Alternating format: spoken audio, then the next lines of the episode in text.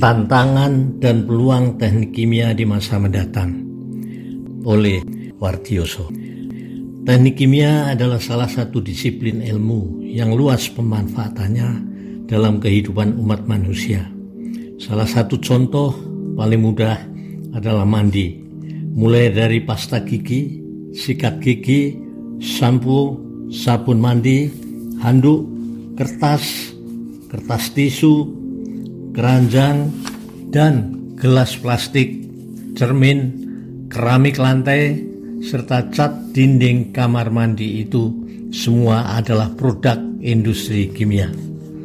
Jika ada orang yang bilang bahwa ia bisa hidup tanpa membutuhkan bantuan insinyur kimia, bisa jadi orang tersebut tak pernah mandi. Ilmu teknik kimia ini mengintegrasikan beberapa ilmu secara luas seperti matematika, physical sciences, fisika, kimia, dan teknik, serta life science, biologi, mikrobiologi, biokimia, pertanian, dan kedokteran. Selama manusia masih memerlukan sandang, pangan, papan, dan inersi, seorang insinyur kimia tidak perlu khawatir mengalami kesulitan dalam mencari pekerjaan.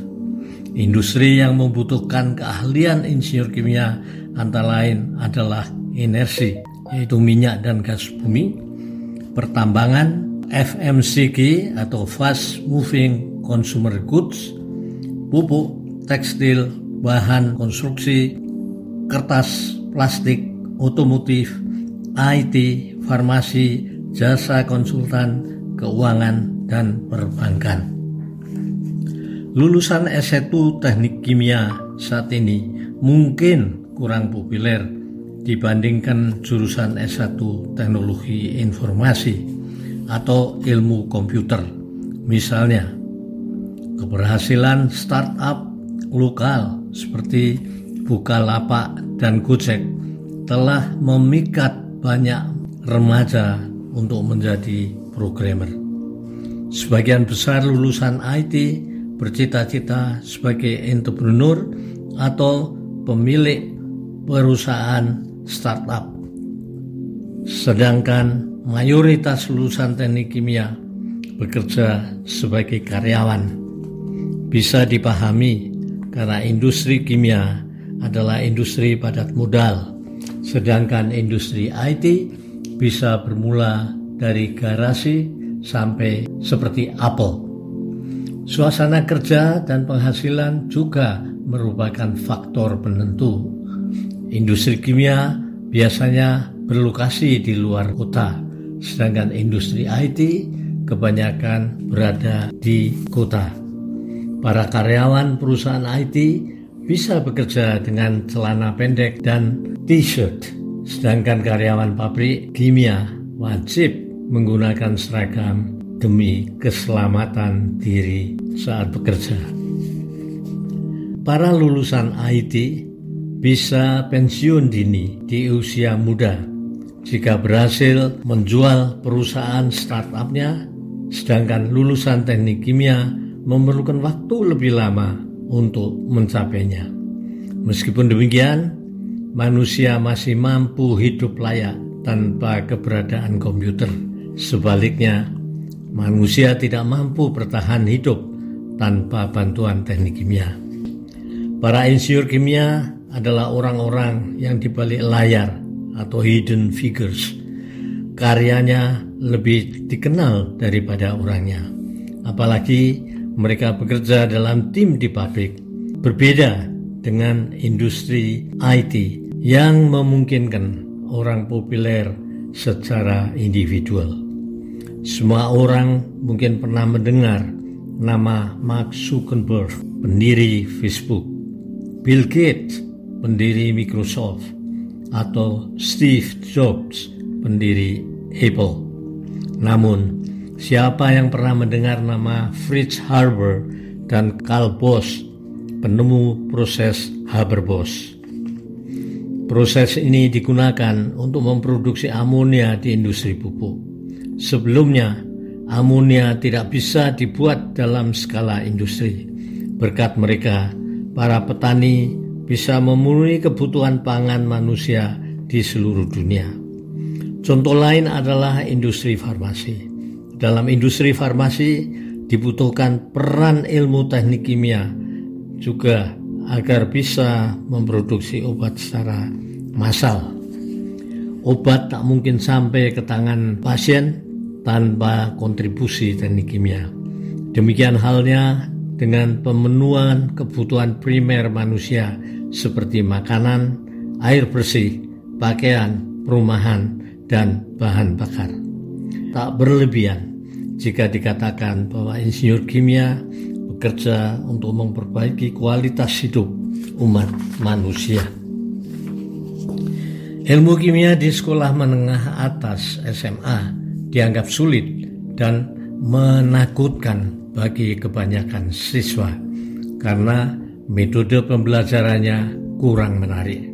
Akibatnya mereka segan untuk meneruskan kuliah di program studi kimia ataupun teknik kimia. Padahal ilmu kimia banyak berkaitan dengan kehidupan kita sehari-hari.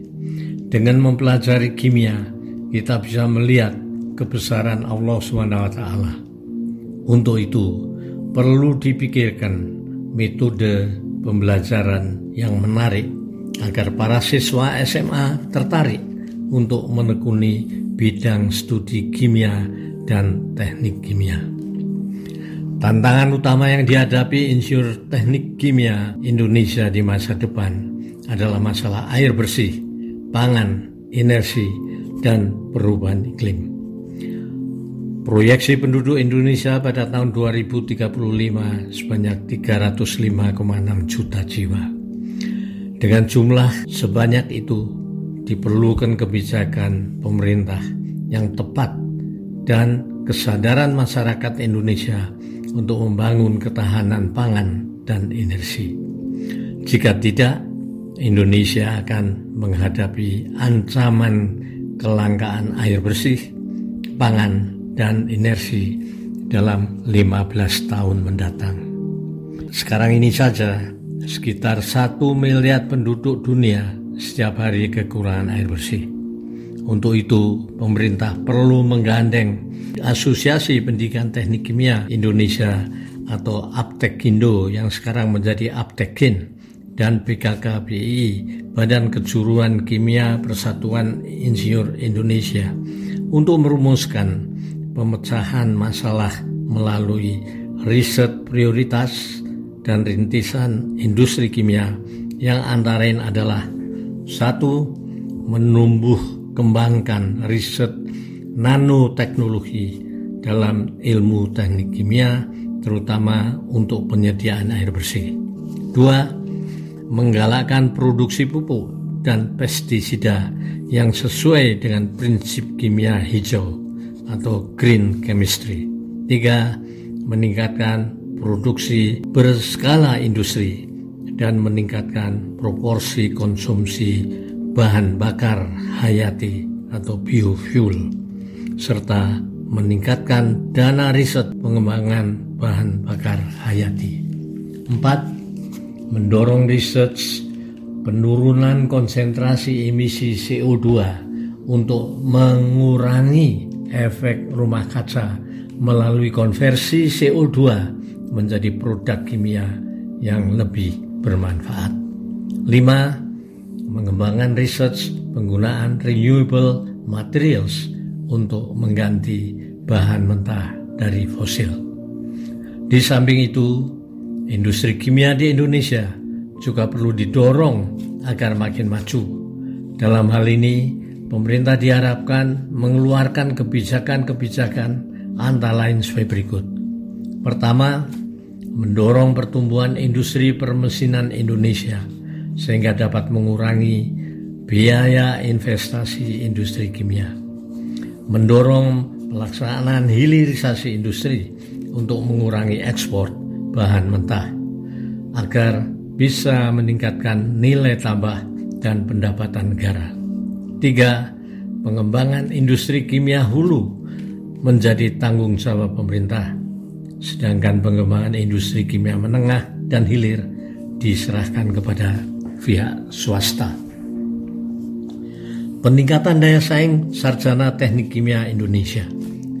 Kompetensi insinyur kimia Indonesia merupakan salah satu tantangan yang dihadapi di masa kini dan yang akan datang. Setelah diberlakukannya MEA, Masyarakat Ekonomi ASEAN 2015, tenaga kerja asing profesional termasuk insinyur diperkenankan bekerja di Indonesia. Untuk ini diperlukan peningkatan daya saing insinyur lulusan Indonesia agar insinyur Indonesia memiliki kompetensi sama atau lebih baik daripada insinyur asing. Patut disyukuri bahwa Presiden RI dan DPR telah membuat Undang-Undang RI nomor 11 tahun 2014 tentang keinsinyuran sehingga penyelenggaraan layanan dan pendidikan keinsinyuran memiliki perlindungan dan kepastian hukum. Setiap sarjana teknik wajib lulus dari program profesi insinyur dan memiliki surat tanda registrasi insinyur agar berhak menyandang gelar insinyur dan memberikan layanan jasa profesional sebagai insinyur. Menindaklanjuti amanat Undang-Undang Keinsinyuran, Asuransi Pendidikan Tinggi Teknik Kimia Indonesia Aptekindo bersama Badan Kejuruan Kimia Persatuan Insinyur Indonesia BKKPI berperan besar untuk meningkatkan daya saing melalui peningkatan kompetensi insinyur kimia Indonesia. Pengembangan SDM insinyur yang profesional sangat penting untuk meningkatkan kemajuan bangsa dan pendapatan negara berdasarkan Undang-Undang Keinsyuran dan dengan dukungan Aptekindo diharapkan PI, CQ, BKKPI bisa memberdayakan menjadi satu-satunya organisasi resmi profesi insinyur kimia yang memiliki kewenangan sesuai undang-undang.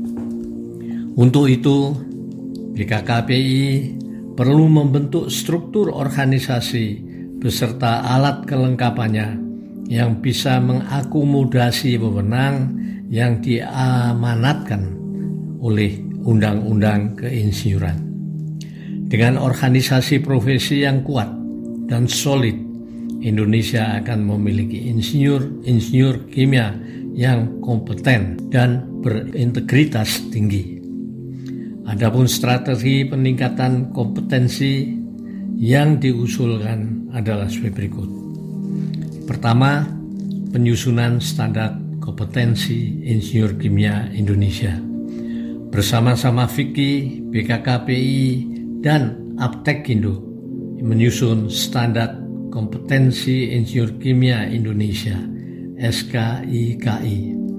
Standar kompetensi ini dijadikan panduan nasional untuk menyusun kurikulum program studi sarjana teknik kimia dan program studi profesi insinyur kimia. Dua, pengembangan profesi berkelanjutan. Badan Kejuruan Kimia PI bersama Aptekindo secara teratur dan berkesinambungan menyelenggarakan pertemuan ilmiah berkala yang terakreditasi oleh BKKBI serta menerbitkan jurnal ilmiah teknik yang terakreditasi nasional. Insinyur Kimia Indonesia wajib mengumpulkan sejumlah angka kredit dari keikutsertaannya dalam pertemuan ilmiah untuk memperpanjang STR Insinyur. Tiga, akreditasi program studi. Selain memfasilitasi upaya peningkatan akreditasi program studi sarjana teknik kimia secara nasional, Aptekindo perlu mengapresiasi dan mendorong pencapaian akreditasi internasional seperti ABET yang dicapai oleh ITB maupun ICAME yang diperoleh oleh UGM. Keempat, penyusunan kode etik Insinyur Indonesia. Badan Kejuruan Kimia PII perlu terlibat aktif dalam PII untuk menyusun kode etik insinyur Indonesia untuk menjamin insinyur yang memiliki integritas tinggi selain kompeten. Semoga bangsa Indonesia bisa ikut berkiprah dalam meningkatkan kualitas hidup umat manusia di dunia melalui karya dan kerja anak-anak bangsa yang mumpuni dalam ilmu teknik kimia.